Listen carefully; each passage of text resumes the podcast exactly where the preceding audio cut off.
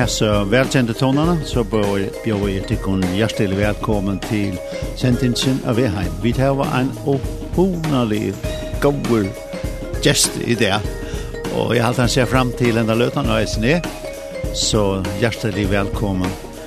Så får du vite om han har løtet hva jeg hadde kom til videre.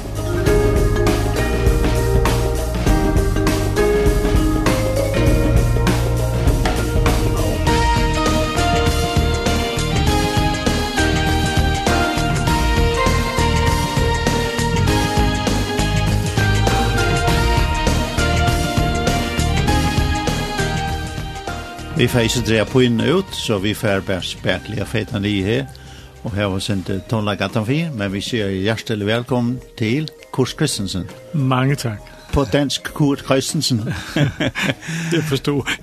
det forstod du i hvert fall. Ja, ja. Så hjertelig velkommen Kurt til uh, en time her. Ja, tak. Eller hvor, lang den, hvor længe den nu bliver. Ja. Uh, her i Lindene. Og vi glæder os til at høre dig, og det tror jeg også lytterne gør. Uh, de plejer jo at sige til mig, har du ikke noget mere med ham danskeren? så, ja, så, så, og så siger jeg, du mener Kurt Christensen. Ja, ja, Kurt Christensen. de glemmer måske navnet, men, men uh, de ja. kender dit budskab. Ja, det er dejligt. Ja. Og det er vi fælles om, det gode budskab om Jesus Kristus. Ja. Og jeg skrev her, hvad lokken nu skulle hedde. Og så skrev jeg Kurt Christensen livet med Jesus. Det kunne være en god titel, det? Det var dejligt. Ja, en god ja. titel. Ja. Um, en indholdsrig og god, ja. ikke? Ja. ja. Um, hvad kan man sige? Uh, du har været utallige gange på færgerne. Ja. Det kan man så sige i hvert fald. ja, det kan man altså, for vi kom herop i 1989, og, og var her faktisk relativt kort tid, nogle, nogle få år, så har vi været her stort set hvert år siden da. Ja, og mere gange. Og flere, flere gange. Ja, og flere gange om året, ja. og i, en periode på tre måneder. Det, altså, der skete jo det, at vi, vi fik færgerne ind i vores hjerter, ja. og det er aldrig kommet ud igen. Nej. At det, det, lever, det lever sådan i os, og, og, og det her øh, pragtfulde folk, og hele miljøet, og alt, hvad vi har oplevet her, hvor vi har oplevet en, en utrolig god tid, der ligesom, der gik lidt hul på det, en utrolig god tid hvor med Helligåndens nærvær og, og bøn og tro, og Philadelphia blev fyldt med folk, og det, det var det er en tid, vi ser tilbage på. Ja. Med stor glæde, og faktisk blev jo næsten Linden her født ud af det der også. Ikke? Ja, det gjorde det ja. da. Det var en del af det, ikke? Ja. Ehm uh, I er jo så færøsk, som en dansker kan blive, når man besøger jer, som jeg har haft en glæde uh, i jeres dejlige lille hus i Næksø ja. så er det, man skulle tro, mig, var fra færgerne, for der er jo malerier øh, og billeder fra færgerne. Der er stort set kun færøske billeder. Ja. Og så hver eneste gang, så falder jeg i, når vi får gæster, så ser du de billeder, og så får de en ordentlig historie om færgerne, og ingen siger, nej, ikke endnu, ikke endnu, ikke for meget. ja, ja. ja. Mm. Um, har sådan indledende spørgsmål til dig, det er, altså, hvordan og hvornår blev Jesus Kristus som en rigtig virkelighed i dit liv? Hvordan skete det egentlig? Altså, det var meget hurtigt, jeg kom med i en frikirke. Jeg voksede egentlig op i, i, i, i en tilknytning til Folkekirken, Uderslev Kirke. Jeg blev født der i, i København.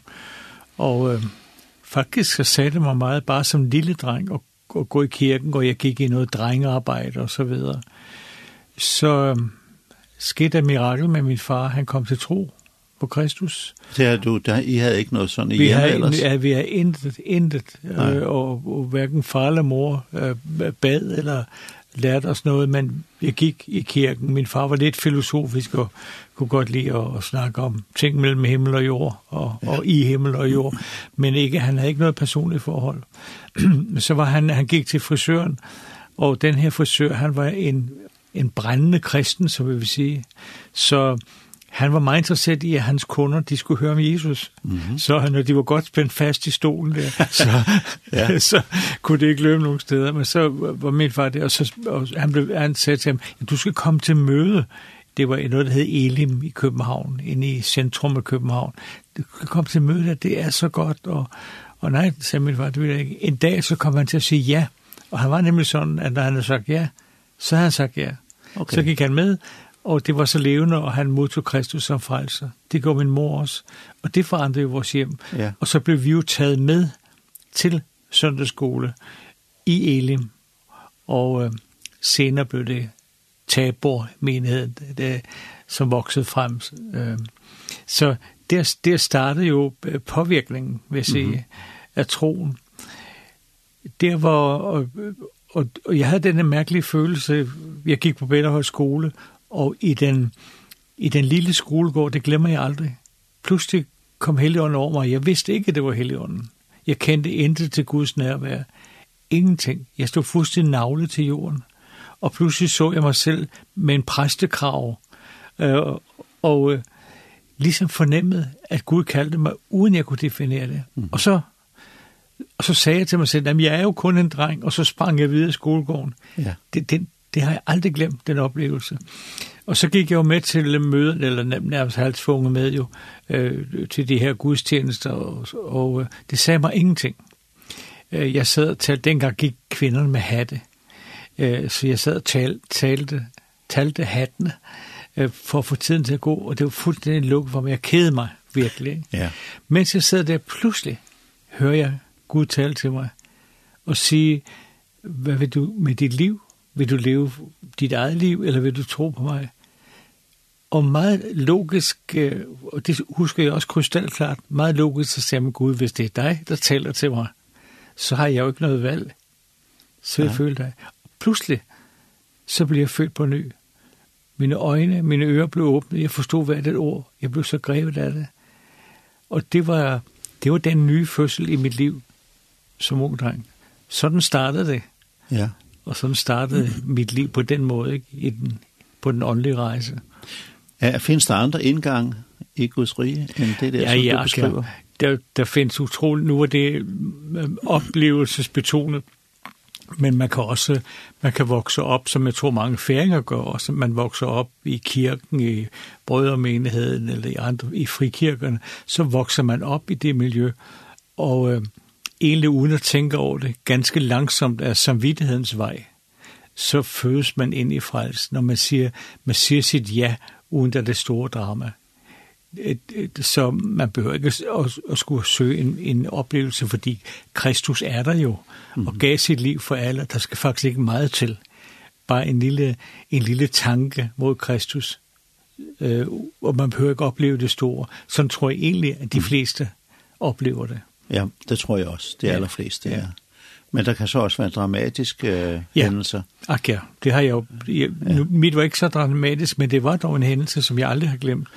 Og så har jeg jo mødt øh, virkelig dramatiske hændelser af mennesker, der blev født på ny. Og øh, jeg har jo rejst meget i verden og var med til at oprette også en, en, en menighed i Paris. Og der mødte jeg jo, som jeg ofte har talt om, Gaston Loré, som var en morder. Han, han havde mødt flere mennesker og sad på livstid i det her stærke fængsel i Paris. Og øh, jeg besøgte ham i hans hjem, og han besøgte mig i, i den kirke i Danmark, jeg betjente der. Og hans historie var helt fantastisk, fordi han, øh, øh, han havde jo ingen tro, men meget, meget dygtig og intelligent mand. Og øh, så blev han træt af livet simpelthen. Mens han sad inde i fængslet. Mens han sad, mens han sad ja. i fængslet, ja. så siger han til sine cellekammerater der, kunne I hjælpe mig, lægge tæppe over mig, og så har han siddet og, og, og filet på nogle teskær, så de blev helt skarpe, så skal jeg pulsen over. Jeg orker ikke at leve mere. Så lagde de tæppe over ham, og så skar han pulsen over. Og så med blodet løb ud af ham, og han blev bevidstløs. Og så ser han Jesus. Mm -hmm. Og Jesus siger til ham, du skal ikke, du skal ikke dø. Du skal leve, og du skal være med en tjener. Og så fandt de ham. Og, og de siger jo, jeg har hørt historien fra flere sider, det var et helt mirakel. Ingen kunne leve og miste så meget blod, men han kom til live. Og så når han kom tilbage til cellen, så begynder han at spørge cellekammeraten og sige mig, kender I noget til Jesus? Og så tænkte jeg, han har virkelig taget skade, ja. da han er blevet gang. Ja. Ja. Og så for en lang, lang historie kort, så kom der altså nogen og sang og spillede, og øh, først kom der nogen og, og, og ville sige noget, så sagde han, kender I Jesus, spurgte han dem. Jamen, det var derfor, de var der. Fortæl mig om det, sagde han. Og så fortalte de lidt om deres måde at, at kende Jesus. Nej, sagde han, det er ikke den Jesus. Det er ud med jer. Han var en meget stærk prøve. Ja. Og så, så kom en anden gruppe, en mere levende gruppe. Og så, så når de er så siger han, fortæl mig om Jesus. Det er den Jesus, sagde han, mm. jeg har mødt. Kunne I ikke bede for mig?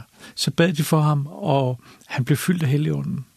Og det endte med, at han så blev benådet, kom ud af fængslet og blev en virkelig Guds tjener. Og så sagde Gud til ham, du skal, du skal oprette en vormandsforretning. Det er jo der, jeg var og besøgte ham. Ja. Midt, der, midt Paris, hvor alle motorvejene møder hinanden. Lige der, øh, en stor vormandsforretning. Du skal ikke tjene pengene selv, du skal sende dem til børnehjem. Han var børnehjemsbarn. Sådan blev han helt forvandlet. Mm. Og øh, blev til stor velsignelse i Frankrig. Der er mange dramatiske historier, som jeg lærte at kende med ham. Men det var jo en, en dramatisk historie, ja. som altid siger til mig, altså når Gaston Loré kunne blive frelst, så kan alle. Ja.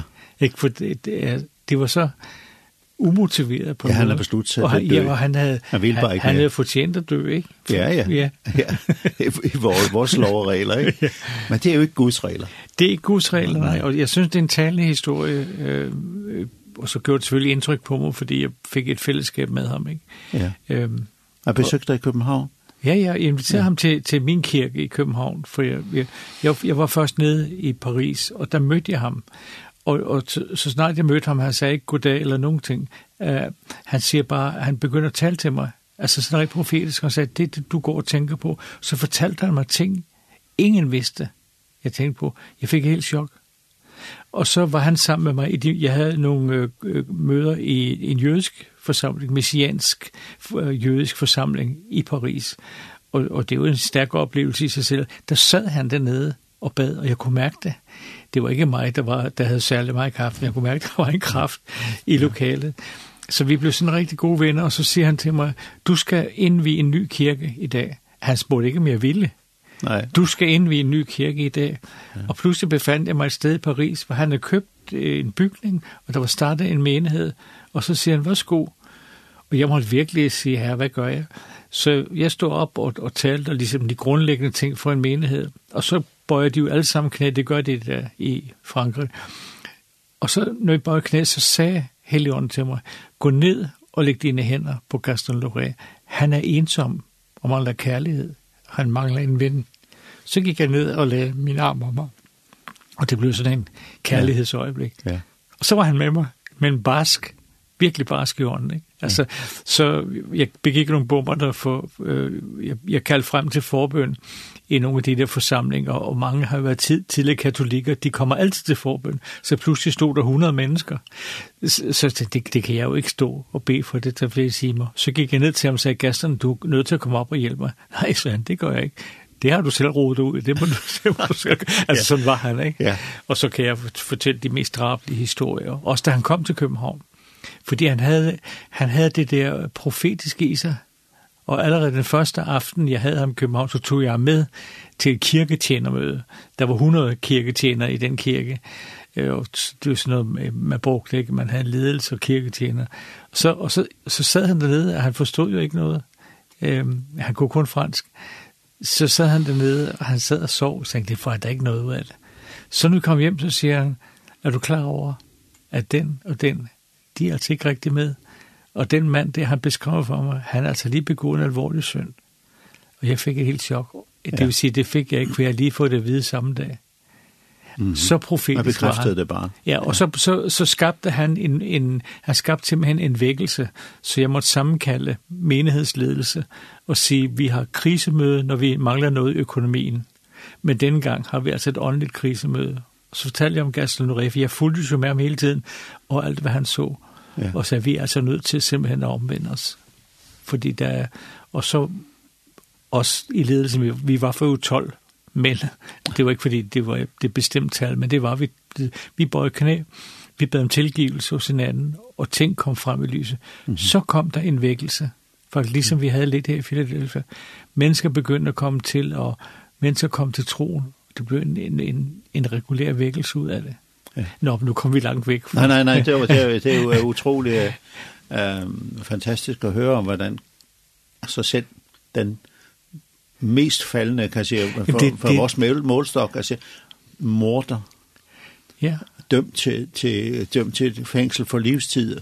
Men det er det, jeg synes, ja. er, altså, den historie, den, den tager jeg med gang på gang, for den er så fascinerende, og så var det, øhm, når jeg så sad og talte med ham der i hans hjem, øh, så, så, så, så sad jeg og tænkte, der, der ser altså meget fattigt ud her. Nu ved jeg godt, franskmænd er lidt anderledes med indretning, men jeg sad og tænkte, der ser lidt fattigt ud. Pludselig siger han til mig, du sidder og tænker, at her ser fattigt ud, og jeg blev helt rød i hovedet. Men det har jeg valgt, fordi ja. jeg giver pengene, så fortalte han mig det med børnehjemmet. Ja. Og så, øhm, øh, så senere hen, så hørte jeg, at øh, han sagde til sin kone, i, i morgen dør jeg. Klokken tre går jeg op og lægger mig, og så dør jeg. Og jeg har ordnet alt. Han havde to børn, en pige og en dreng, som han også sagde noget om, som var også helt overraskende. Så går jeg op og lægger mig, og så tager Jesus mig.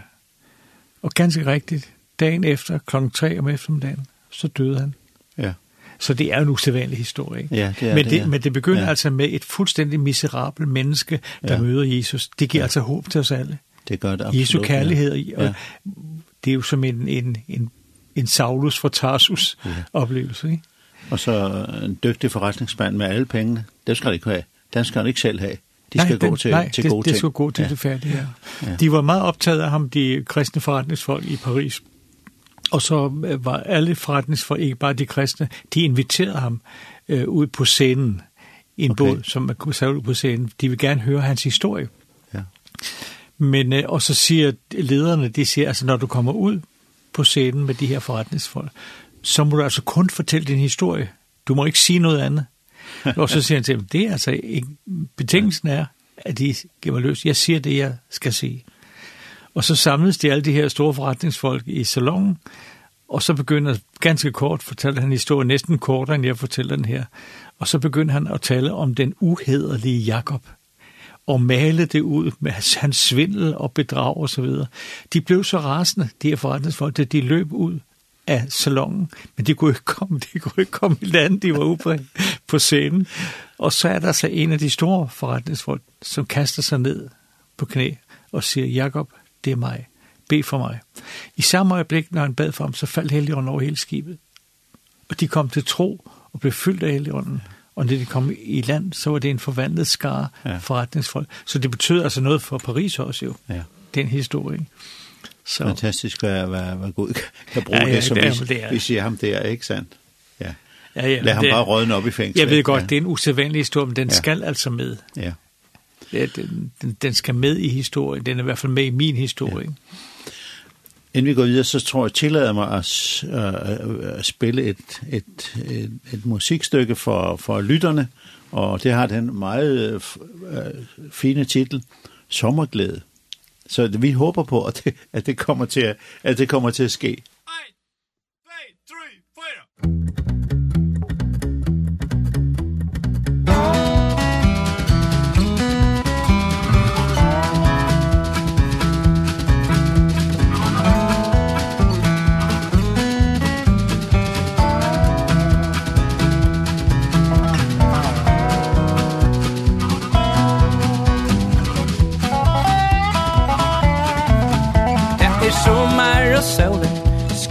vara med Ja, det er sommar og solen Skojner att det virer och öl är og spela Tog jag i gang Anker ved sykla är annar ränna Det er så dejligt Vi kunne flenna Og vi dansa og synja Framåt ner til midnatt, yeah. Solen skiner glider och glad. Oj ja, oj ja. Da hon ikke skyner Da er hun videre We go all out. Oj ja, oj ja. Brüssel Sky Rock und Vernein aus der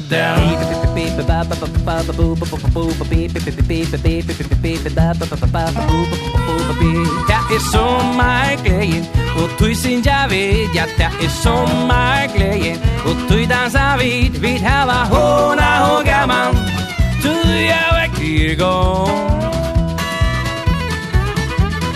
Onkur vil sparska Ein annar vassar. Det er så dejligt Vi kunne tvassa Og vi spela og mella Framåt ner til midnatt Yeah Solen skiner Og vi der og glad. Och idag Oh yeah Da hon ikke skiner Da er og vi den Vi går og la Oh yeah Jesus als guide Op kom van nein der Beep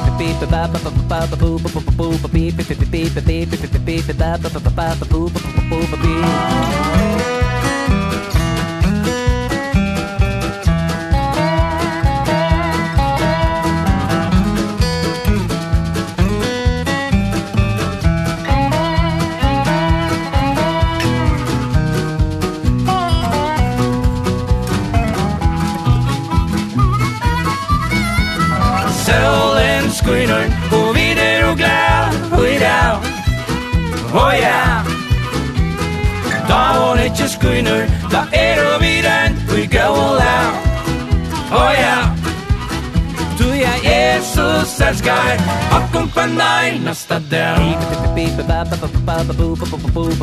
Du ja Jesus älskar Up kom på nej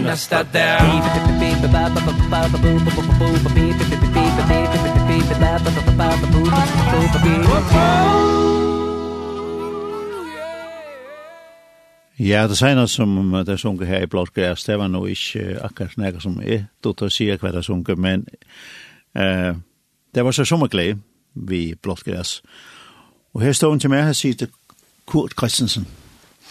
Og vi har en dejlig stund sammen, ja. synes jeg det. Og det håber jeg også lytterne øh, synes. Så har jeg jo prøvet at formulere et spørgsmål til dig, fordi det er jo noget, vi alle sammen møder en gang imellem. Øh, når vi nu er, har oplevet de ting, som vi snakker om tidligere, øh, virkelig få en åbenbaring om, at Jesus Kristus er min Herre. Mm. Men så kan der ske ting på vejen. Mm. Vi glider bort. Uh, og så står vi der og, og, og, og begynder at give andre mennesker skylden for både det ene og det andet. Mm. Så hvad, hvad gør man? Hvad gør man, når man er i den situation? Når man fanger i den der, det der negativ spiral? Det, det er vigtigt at erkende det. Altså, at jeg er fanget i en negativ spiral det er også vigtigt øh, at erkende, hvad er det i grunden, jeg tænker, og hvad er det, jeg ser på. Skriften siger noget dejligt, synes jeg, og noget meget trøstende om dem, der tvivler. Vær barmhjertige mod dem, der tvivler. Og så siger skriften, frels dem, riv dem ud af den ild, tvivlens ild. Der er flere aspekter i det. For det første er der altid et, et angreb på vores liv. Altså, der er, der er en djævel. Der er dæmoner, der vil ødelægge os. Der er fristelser, som ikke kommer fra Gud, som måske mere kommer fra os selv, øh, som lader os friste, og så benytter djævlen det til at lægge et mørke ind over os. Vi skal altid tænke på, uden at vi skal overhovedet interesseres på den måde for djævlen, fordi han er et nul. Øh, men vi skal forstå, at vi lever i en åndelig kamp, og der er kamp om vores sjæle. Der er noget, der vil rive os væk fra Jesus. Det, det er den ene side af det. Den anden side af det er egentlig meget menneskelig. Det er mennesker i, i, i menighederne, hvor menighederne, det er et farligt sted at leve. Det er et pragtfuldt sted, hvor vi lovsynger og vi hører Guds ord. Samtidig er det et miljø af mennesker, som møder hinanden og kender hinanden, og hvor vi sår hinanden. Nogle gange sår vi hinanden til døde. Og det er, som skriften siger, se nu til, at der er ingen, der går glip af Guds nåde, at der ikke er nogen bitter rod, der skyder op og gør fortræd, så mange smittes af det. Det har jeg set i mit lange liv, øh, som, som prædikant og præst, at den her bitter ro, den vokser op. Den kan vokse op imod Gud. Den kan simpelthen, sådan som man netop, når man siger, jamen jeg har bedt Gud, og jeg tror på dig, der sker ikke noget, i stedet for så bliver min kone syg, eller mit, mit barn bliver sygt, og øh, der sker jo ikke det, de taler om. Tværtimod, jeg, jeg, jeg føler ikke, der sker nogen ting. Øhm, det er næsten ligesom Job jo. Mm -hmm hvor han siger i kapitel 10 Job på, mit hjerte det blev så bittert, siger han, ikke? Og, og Asaf i salme 73, han siger, jeg så på de gudløse, de har det godt, og de kan bare feste, de kan drikke, og de kan hore, og de kan alting. Men jeg, jeg, jeg bliver tugtet hver dag. Han blev bitter på Gud over hele den, det spændingsfelt, som faktisk også gælder os. Øhm, også Nomi øh, i, i, i Rutsbog, ikke? Hvor, hvor hun siger, kald mig ikke Kald mig ikke Nomi, det betyder den skønne. Kald mig Mara, ja. for hun er bitter mod ja. Gud. Det, og det skal vi forstå, og det skal vi også våge over som menighedsledere og pas på. For det har bundet mange mennesker. Man bliver simpelthen sur og fornærmet, og så glider man væk, og man mister kærligheden til ens søskende, og mister man kærligheden, så går man egentlig glip af Guds nåde. Ikke sådan, at Guds nåde forsvinder. Guds nåde er der, men man går selv glip af den, fordi man lukker sit hjerte. Ja. Det er altså vores egen del. Og tvivlen har jeg også noget med os selv at gøre, fordi jeg tvivler mere på mig selv i dag, end jeg tvivler på Gud. Jeg kan godt have konflikter med det hele, også når jeg prædiker og, og alle de her ting, vi taler om, så kan jeg nogle gange få konflikter, øh, se, hvad, hvad er det? Hvad er det i grunden? Vi siger store ord, og nogle gange så sker det altså ikke så meget hvad er det for noget? Det kan jeg da godt have en, mm. en tvivl om. Indtil jeg har lært mig at stole fuldstændig på Gud. Om det går op eller ned, om verden brænder op eller hvad, så stoler jeg af hele mit hjerte på min himmelske far. Jeg kan ikke forstå det. Jeg sover helt trygt om natten, for jeg kan ikke lave om på noget som helst, men jeg stoler på min himmelske far, at han har tingene i sin hånd. En tredje eller fjerde ting, det er, at nogle gange ødelægger vi os selv i menighederne – Og det er gennem det, vi kalder, det er måske mere højrefløjen i kirkelivet, det der profetiske, vi giver hinanden profetier. Og vi siger store ting til hinanden, som overhovedet ikke passer. Og det skal vi altså holde op med mm. på stedet. Og fordi der er også mennesker, der bliver dybt skuffet. Altså, det, det, Gud kalder dig til verdens evangelist, ikke? Altså, du du skal til Nolsø og være verdensevangelist. ja. altså, jo, men ja. altså de her jo, jo. ting, og så, og så ja. kommer, når, når, når så stemningen har lagt sig, så kommer skuffelsen. Det blev ikke sådan. Derfor er mit råd og vejledning ud af det, det er, vi skal simpelthen lære Helligånden at kende, og så høre, hvad Helligånden siger. Helligånden formidler Guds løfter ind i os, visker det ind i vores ører, og det går altid i opfyldelse. Mm -hmm. Men det er det mennesker, der visker ind i vores ører. Det går altså ikke altid i opfyldelse. Os mennesker siger, Gud har sagt til mig, nej, han har ikke. Det er dine egne produkter, dine egne tanker. Ja. Når Gud taler, er det anderledes. Hvad med blandt Gud ind i det? Derfor opstår der, Preben, mange skuffelser, og det er et fantastisk vigtigt spørgsmål, du siger her. Så glider man ud, så går man væk fra fællesskabet, og så siger man, nu kan jeg lige så godt. Så begynder man at drikke og feste med vennerne, og så bliver man ligesom den fortabte søn, ja. der hænger i møget og spiser svinefød, indtil han tager sig sammen ja. og går hjem igen. Det står i, øh, i fader, hvor leder sig ikke i fristelser. Ja. Øhm, så ser vi også andre steder i Bibelen, det er ligesom nogen går igennem en prøvelse. Mm. Gud tillader et eller andet i deres liv, ja. som en slags renselse. Mm. Øh, at sætte skæld imellem disse ting, som vi nu snakker om, mm. bitterhed og så, så. Og, og så det, at Gud prøver dig. Han lader dig gå igennem nogle ting. Han lutrer. Han lutrer guldet, står mm. der ikke. Mm. Hvordan, uh, hvordan hænger det sammen, Kurt? Det er et svært spørgsmål, det altså, ved jeg godt. En, en, en, en hver fristes, når han drages og lokkes af sit eget begær. Og når begæret har undfanget, så fører det synd. Og når synden er fuldvoksen, så avler den død, det vil sige adskillelse. Ja. Vi skal lige se ind i os selv, for det er vores eget begær, der simpelthen føder synden og dræber os til sidst. Det må jeg altid huske på. Derfor er det meget vigtigt simpelthen at komme frem i lyset. Og når vi beder, led os ikke i fristelse. Gud vil aldrig nogensinde lede nogen som helst i fristelse det, det er nok bedre, jeg ved godt, man kæmper også lidt med oversættelserne, det er bedre at forstå det sådan, Gud hjælp mig, når jeg fristes. Altså, i stedet for, Gud hjælp mig, når jeg, for du fristes, det gør vi alle sammen. Mm -hmm.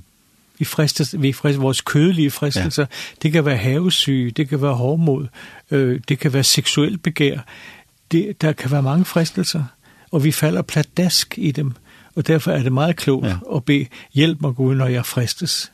Er det ja. ikke? Og, og når vi falder i dem, så skaber det bindinger. Det skaber ja. nemlig bindinger, og så er det, at Gud vil hjælpe, det har han sagt. Han vil hjælpe os ikke ud af, der står faktisk fristelsen, han vil hjælpe os ud af fristelsen. Og så vil han styrke os, når vi går, så går vi styrket ud af fristelsen, enten med et bravende nederlag, men også, eller også med, også, og så med en forståelse af Guds kærlighed, og Guds barmhjertighed, han genopretter os. Det er det. Han tilgiver os vores synd på stedet, og han giver os nyt mod og nyt livsmod. Ja. Så, så det er et utroligt væsentligt punkt, det der. Ja. Så er der det med prøvelserne. Det, det må vi sige, at vi, vi altså Gud tugter os, fordi han elsker os. Vi er udsat for en åndelig opdragelse, alle sammen. Man taler meget om øh, at opdragelse i samfundet. Men Gud opdrager sine børn. Ganske enkelt, fordi han elsker mm. os. Han lader os ikke bare løbe rundt. Faktisk det, vi taler om her nu, det er utroligt dynamisk. For det, det, det, det tror jeg både du og jeg, vi kender. De ting, vi har gået igennem sygdom, og de prøvelser, der er lige nu, det er simpelthen Gud opdrager os for at styrke vores tro på ham, når det bliver endnu værre ting. Også med, med corona for eksempel, som du har været igennem, ikke? Der, der sker nogle ting. Gud lægger ikke corona på dig. Men det er en prøvelse, der kommer ind i dit liv, som du kommer ud af. Mm. Styrke din tro. Ja. Jeg var ved at dø af kræft, men kom ud af det. Og jeg er så frisk som aldrig før. Ja. At, der er vel også situationer i dit liv, hvor du har spurgt dig selv, altså, Gud, hvor er du henne? Hvor er du i det her? Ja, det, der er ikke det, der vender op, det vender ned og så videre. Der, er, der er prøvelser, der er ting, som er uforståelige. Hvorfor? Hvorfor sker det? Altså, har du været i sådan nogle situationer, ja, altså, hvor du har haft, øh, haft lyst til at sige, Gud, nej, nu, nej? Nu vil jeg ikke bare sige, at, at øh, det har jeg bare for ligesom at trøste mig med alle andre. Øh, for i virkeligheden, så har jeg egentlig aldrig tænkt sådan, Gud, hvor er du henne? Jeg har mere tænkt, hvor er du selv henne, gamle ven? I, i dit forhold ja. til faderen. Ja. Og jeg har lært mig, jeg har simpelthen lært mig at stole på Gud under de værste forhold. Øhm, jeg tror, det er lidt en træning også. Og jeg tror, vi skal lade være med at fornærme Gud ved at sige, hvor er du Gud? Du ved godt, han er, han er din far, der elsker dig. Og han vil aldrig slippe dig, og han vil aldrig forlade dig. Skal du simpelthen stole på under de værste prøvelser? Sig ikke det der. Hvor er du Gud? Bare sig, du er der Gud og jeg er dit barn, og jeg ved, at du har en udvej igennem det her. Ja. Uh, godt. uh, der er jo skrevet en bog. Ja. Uh, ja, du har nok ikke skrevet den, men du har, Nej. givet, du har givet materiale til bogen, ikke? Ja. som hedder Talsmanden. Ja. Og det henviser selvfølgelig til Helligånden. Ja. Og han siger i Johannes 14, der sender jeg en ny talsmand. Ja. En ny vejleder, står ja. der nye danske ja. oversættelse. En vejleder um, hvor, hvor, hvor omfattende er, er hans vejledning, Helion? Altså, kan man sige, kan man sige øh, jeg, jeg står op, jeg sætter fødderne på, jeg svinger mig ud af sengen, jeg sætter fødderne på gulvet, så siger jeg, kan jeg så sige, herre, hvad skal jeg så gøre i dag? Hvad har du til mig i dag af gode ting? Ja, det kan man sagtens. Øh, det er også igen det med at lære, vi skal forstå, at Helligånden er her i Jesus sted. Det er altså som om, at Jesus han, han er her. Og Jesus sagde det meget tydeligt, at han sagde, at Helligånden skal være inde i jer. Og der har du det igen, hvor er Helligånden? Hvor er du Helligånden, siger vi. Lad være med at sige det. Helligånden er inde i dig. Og du er, selvom du godt føler dig som en skurk og snavset, så er du et tempel for Helligånden, som er i dig, der vil hellige dig og erobre hele dit menneske til fordel for åndens liv. Og Helligånden er ikke alene i det. Helligånden er lige nu, her hvor vi sidder og taler. Her er Helligånden til stede og herliggør, for at herliggøre Jesus i alle ting. Og øh, vi kan sagtens stå op om morgenen. Jeg tror faktisk, jeg, jeg selv gør, uden at tænke over det. Både morgen og aften. Så min, min, min ånd søger straks Helligånden og Helligåndens ledelse. Og øh, det er ikke sådan, så det bare står skrevet på væggen, men jeg, jeg forkynder og underviser uafbrudt i Guds ord. Mm. Og øhm, forleden dag, så har jeg gennem, jeg har smidt meget af materialet væk, fordi jeg, der, der er ingen, der vil kigge efter, i det, når jeg er død. Men så sidder jeg og kigger på noget af det, jeg skrevet også for flere år siden, så tænker jeg, hvem i verden har skrevet det? og så, så, og så, så pludselig ja. gik der, jamen det har du jo gjort hele ånden. Altså Helligånden skriver det også i forkyndernes hjerte. De behøver altså ikke kæmpe så meget med at læse tusindvis af bøger og, og holde foredrag. Prøv at, at spørge Helligånden, hvad vil du sige? Tal Helligånden i mig. Og jeg går lidt imod det, vi, vi har opfundet nu, hvor vi siger, kom Helligånden. Det vil også sige, lad være med det. Du skal komme til Helligånden, for Helligånden er der. Og det er, en, en, det er jo en fantastisk sandhed. Tænk, at vi to vi har Helligånden, der bor i os. Jesus mm. bor i os. Gud Fader selv bor i os. Vi er et med ham. Vi skal høre en lidt musik, tror jeg. Uh, og det er, det er ingen hemmelighed her. Det er ikke dulsmål, det er ingen hemmelighed. Og det er en uh, Christina Berensen, som synger, det er uh, Alex Berensens datter. Og det synes jeg er et dejligt musikstykke. Lad os høre på det. Musik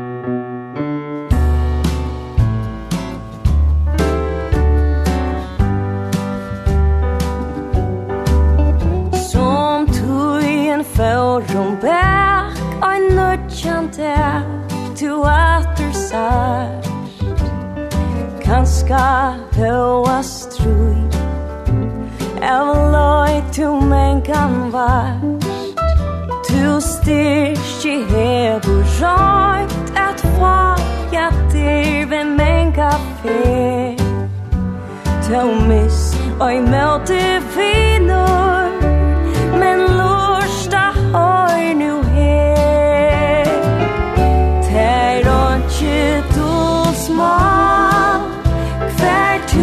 fast fri Ter han bøyte øro Ter han bøyte vi Vi åpnum ørmon Han bøyur gri Ter og tje dulsman Hver tu fast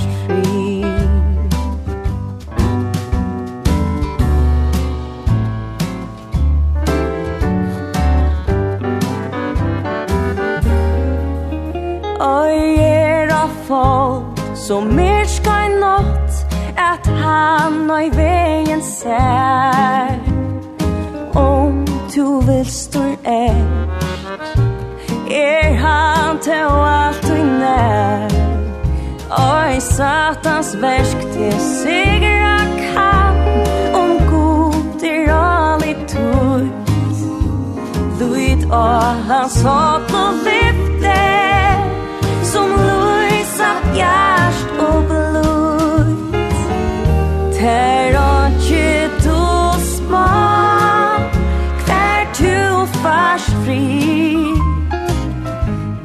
han vøyte øro Ter han vøyte er vi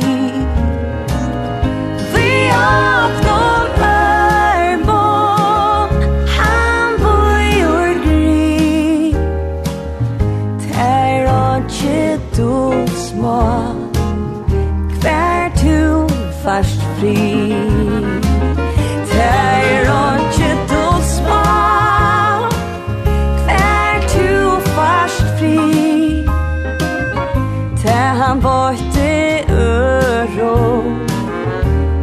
kan på i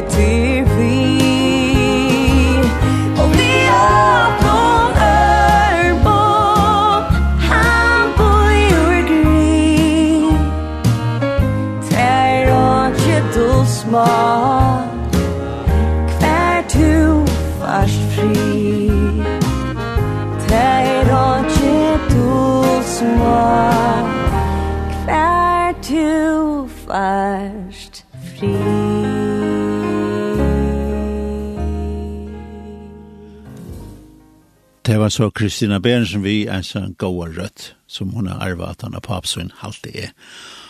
Og her står hun til meg Sida Kors Kristensen, og vi har haft en dejlig samtale mm. rundt om en hel masse ting uh, med at møde for fat i Jesus og hvordan det kan forvandle mennesker, selvom en morder endda, som du fortalte om. Ja.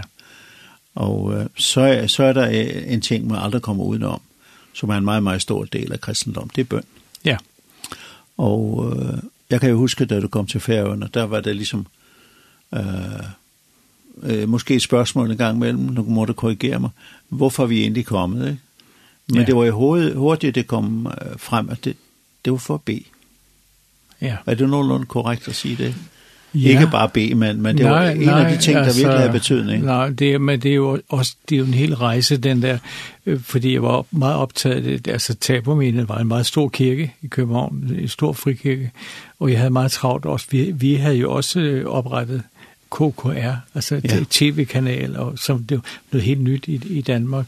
Og vi var i TV. Og du er helt tilbage i 80'erne? Det, er vi tilbage i uh, 86. Ja. 86, ikke? Ja. ja. Så, så det, øh, vi, havde, vi havde virkelig travlt, og vi, vi havde så travlt, så øh, jeg gik ind for, ligesom for at bede øh, i en, en, en lille sal der, og så, og så måtte jeg sige til Gud, Gud undskyld, jeg har ikke mere tid.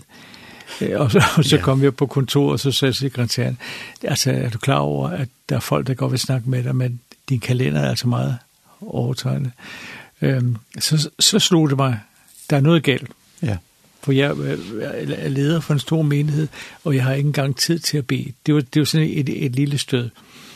Og så var det, at der, der kom et brev fra, fra, fra Færøen, om jeg ville komme op til Philadelphia, hvor bare at tage overlov og så være til hjælp et, et lille stykke tid. Øh, så endte med, at jeg, jeg sagde helt op, og så kom op, kastede mig ud i eventyret fuldstændig. Og så var det, Ehm vi vi startede bønnen i Philadelphia sådan helt lidt på en lidt mærkelig måde, fordi de sagde til mig, det skal du ikke, du behøver ikke tage dig bønnemøderne. Og bare fordi de sagde det, så, så sagde jeg, det gør jeg. ja. og det var ikke spor ordentligt. Nå, men så, så har vi kommet i gang med bønnen dernede, og jeg, og jeg fordi jeg, jeg simpelthen jo selv havde den kaldelse for Gud, jeg måtte be, gik jeg ned i Filadelfias kælder og bad. Og så, var det, så, og så sagde jeg nemlig til herren, herre, hvorfor er jeg kommet her til færgerne? det, og jeg tror måske mange vil forstå, hvor mystisk det var at komme fra det pulserende København og så til verdens måske næst mindste hovedstad eller mindste. Øhm, og, og hele, hele stemningen og alting og fremmed sprog. Og, og så sagde han, Gud, hvorfor? Og så var det, Gud talte mig. Han sagde, jeg, jeg har sendt dig her, for at du skal lære at bede. Og du skal lære at be sammen med de mennesker, jeg har sendt dig til. Det var en direkte kaldelse. Ja. Og så, så og, og, jeg har ikke, jeg har bedt sammen med medarbejderne, men jeg har faktisk ikke bedt så meget sammen med hele menigheden. Så jeg måtte ligesom i, i lære selv og begynde at bede. Og så var øh, det grundlæggende var at lære at bede, som Jesus bad, og få det, vi beder om, og få renset bønderne for alt det egoistiske, og alt det intetsigende snak, som vi mange har i vores bønder. Få det renset væk, og så prøve at lære at bede sammen. Ikke lønkammerbønden, men lære at bede sammen, så Guds vilje kunne ske, mm. og Helligånden kunne komme til. Og det begyndte vi på. Det var, det var faktisk bøndens eventyr, som endte med, at det, nogle år senere, så lejede vi hotellet her, og folk betalte for at komme til bøn. Altså, jeg godt ønske mig, at det, det stadigvæk var lidt mere nu. Men det, det var Mm -hmm. Det var bønden, og det har, det har ligget i mit hjerte ja. senere. Da jeg kom her fra Færøerne til, til Bornholm, til Pinsekirken i Rønne, så sad der en lille flok nede i kælderen, og, og fordi jeg husker det her, så sagde jeg til den lille flok, vi skal ikke sidde hernede, op i den store sal. Og der sted kom en bønnevækkelse, så selv mm. en hed sommerdag i juli måned, så kunne det være omkring 80 til 100 mennesker til bøn. Ja. Øh, og og det, det påvirker jo hele menigheden, så folk begyndte at komme, ikke? og lokalet blev for lille, og det påvirkede simpelthen tingene på øen. Det er sådan det, en underlig effekt, det der. Ikke? Så ja. Vi sætter os ned, og vi beslutter os til at bede, og der, vi, føler, vi bliver ledt af, af Helligånden til at bede. Og så sker der noget, som, som uh, ikke rigtig kan forklares pludselig kommer der en masse mennesker og vil være med til det her. Ja. Og som måske tidligere har tænkt, altså bønnemøder, det skal jeg i hvert fald ikke til. Det er det noget af det mest kedelige, man kan tænke ja, sig. Ja, desværre. Ja. Uh. Hvad, hvad, hvad, hvad er det for en underlig effekt? Det ja, der? men altså, ja, men det, men det har du ret i, og det er det også nogle gange. Jeg har været med til nogle bønnemøder, så siger det kommer jeg aldrig mere her. Ja. Det er forfærdeligt. Ja. Fordi det er forfærdeligt øh, øh, ordgyderi, hvor der ikke, der er ikke, det er meningsløst det kan jeg godt forstå. Jeg kunne, ikke, jeg kunne ikke selv trives i det, og jeg kæmper med det, hver gang jeg kommer i sådan nogle sammenhæng. Men nu plejer det gerne, hvad var der leder lidt i det, ikke? Øh, så det forstår jeg. Men vi skal, bare, vi skal tænke på, at vi har bønden inden i os, i det Kristus er i os. Og, og øh, nogle af disciple, hans disciple meget tidligt i deres forløb, så sagde de til Jesus, da han bad, så blev der pludselig stille, og da han var færdig med at bede, så siger de, herre, lær os at bede. Mm. Og vi skal tænke på, at det var nogle religiøse mennesker, de har var Johannes Døberens disciple, alle sammen. Ja. De har sandelig lært at bede af Johannes Døberen, og de har lært at bede om Messias, der skulle komme. Men nu er Jesus der, og måske er det, fordi det var det inderlige forhold med faderen. Så, så underviser Jesus dem om bøn, simpelthen. Han underviser om, hvordan de skal bede. Altså lad ikke munden løbe, ja. som hedningen gør. Lad være med alle de der ordgyderi. Be specifikt, fader vor, du mm. som er i himlen. Ja. Og, og så giver han et kæmpe løfte, som rummer hele det gamle testamentets undervisning og bøn. Bed, så skal I få. Søg, så skal I finde. Og så skal vi, skal vi studere Jesu bønneliv. Se, han bad jo. Han var et menneske fuldstændig som os. Han gik ud i ørkenen og bad. Han bad om morgenen. Han bad om natten. Han, han bad hele tiden. Selvom han var Guds søn, og Helligånden var i ham uafbrudt, så, så gik han ud og bad. Og det er det, vi skal forstå, at vi er i fællesskab med faderen døgnets 24 timer. Mm -hmm. Faktisk er vi uafladelig bøn i virkeligheden. Ja. Inden i os, der beder Helligånden uafbrudt. Men vi, men vi skal være sammen, som Jesus sagde det, hvor to eller tre er forsamlet. I skal komme sammen for at bede. Og den første menighed, de kom simpelthen, de kom ikke sammen for at høre lange prædikner. De kom sammen for at bede.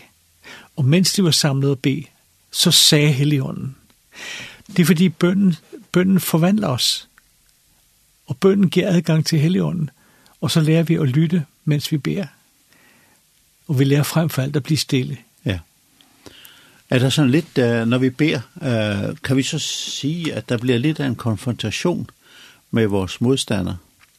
At det er ligesom at trække sværet op og sige, uh, vi står fast på nogle ting, og, og, og vores modstander, djævelen, han, han, det er jo ikke det bedste, han ved, når vi begynder at søge Gud. Nej, nej, det er, det er farligt for sjælefinden ja. øh, og for de åndelige magter. De er fuldstændig ligeglade med vores religiøsitet, for det har ikke betydning. Det virker jo ikke noget. Men så snart vi begynder oprigtigt at søge Herren, fordi det, det får os også til at blive ærlige og samtale om, hvad er det dog for noget, vi er i gang med. Mm. Og så blev vi meget ærlige, og vi blev meget tilgivende med hinanden, for vi ser, hvor skrøbelige mennesker vi grunden er. Men så lærer vi at stå sammen i bønden, og så lærer vi løfterne at kende. Det er simpelthen så væsentligt. Gud har sagt, ja. Jesus har sagt, og så siger vi, og det er det Helligånden hjælper os til, han minder os om, Jesus har sagt, bed, så skal det gives jer. Så siger vi, Jesus, du har sagt, nu beder vi. Mm -hmm og så lader vi være med at forklare, Jesus han burde gøre det og det, og mm. han burde tænke sådan og sådan. Og alt det der med, at vi forklarer Gud, hvad han, hvad han skal og hvem han er, det ved han altså godt i forvejen. Det er derfor, vi skal lære at bede, ja. så vores bønder bliver specifikke og klare, og vi får det, vi beder om. Ja, så sker jo det, at når, når, når, når man beder sammen, så kommer der en slags ydmyghed og en ærlighed, når, når man åbner dit hjerte for, for, de, for rigtige bønder til Gud, ikke? uh, hvor, hvor, hvor, hvor fællesskabet bliver knyttet sammen. Altså, vi falder pladask til jorden, vi falder døde om foran Kristi kors, når vi skal bede, fordi det er ingen præstation. Det er simpelthen en nåde. Og så, så fostres kærligheden, når vi beder sammen. Jeg har det faktisk sådan, at dem, jeg har bedt sammen med, dem hører jeg sammen med og jeg har været til mange bønneskoler og så videre, og hver gang jeg møder de mennesker, så hører vi sammen, for vi har bedt sammen. Mm. Bønden er den største kraft, der findes i vores menigheder. Og Preben, hvorfor kommer folk ikke til bøn? Ja, det er et større spørgsmål. Stort spørgsmål. Ja, det er det. Jamen, jeg synes også, det er et spørgsmål, og jeg har det, har det råd, at selvom det er noget råd, så kommer alligevel. Og så vil jeg sige til lederne, de skal være der. De skal ikke bare lade de andre gøre det. Lederne skal være der. Hvis de er rigtige ledere, så skal de være og lede bønnen. Og så skal de få en forståelse af Helligånden, hvordan de leder bønnen ret. Men vi er, klar, vi er nødt til at begynde et sted, og det er, at vi må komme, selvom, selvom det er en hård omgang til at begynde med. Ja. Men det ændrer sig ja. meget hurtigt. Der var en gang der en, der sagde til mig, bønne, bøn, siger du bøn? Jeg ved ikke, om jeg skal vælge tandlægen eller bøn. så der, ja. jeg tror, han mente det virkelig, ikke sådan? Ja, der, ja. ja. Og så, så er det også det, at noget, noget andet er, som jeg også har set så mange gange, at man, og det, det, er lidt, det er fordi, vi er lidt uforstandige, så ser vi, at nu, nu er det bøn. Jamen, så kunne vi så ikke lige, uh, kunne vi ikke lige have en sangøvelse, så, når vi nu er livet sammen til bøn. Og kunne vi så ikke lige have et lille foredrag om det ene eller andet. Ja. Og det tror jeg er et angreb for fjenden. Så det ødelægges. Ja. Vi skal sætte os, og så skal vi være sammen i bøn alene. Og vi skal ikke synge for meget. Ja. Vi skal bede sammen. Ja. Det er det råd, jeg vil give en, en sidste indlæg fra dig, Kurt. Tiden er jo ved at være gået. Det er at, uh, jeg spørge dig om at give en hilsen til dem, der sidder og, og tvivler. Uh, har jeg nu mødt Jesus? Er jeg nu, er jeg nu hans barn? Ja. Der har jeg et klart ord for Jesus. Frygt ikke. Tro kun. Du er Guds elskede barn, og du hører Jesus til. Han vil aldrig slippe dig, og dine sønner er dig forladt for evigt. Du vil aldrig møde din søn, og heller ikke dine fejltagelser, og heller ikke sønner, som du ikke burde have begået, vil du aldrig møde. Du er fuldstændig renset og helligt i Kristus. Ja. Lad det være de sidste ord den her gang, Kurt, og så slutter vi med et uh, tøjt ejt og tøjt alt, som selvfølgelig handler om Jesus. Så siger vi tak for det. Vi ses snart igen forhåbentlig. Vi ses snart igen, ja. ja.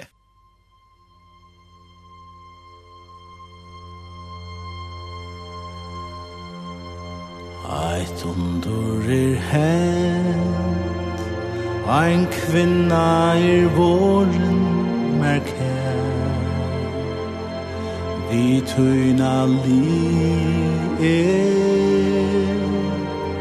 Kærløygan kjenne så nær. Tøyne er jo så klar og så blå Me fylla vi djupa stå trå At vinna tutt hjärsta At vera tutt eit og tutt alt Så skattur mun vera Allt løyve til skatt.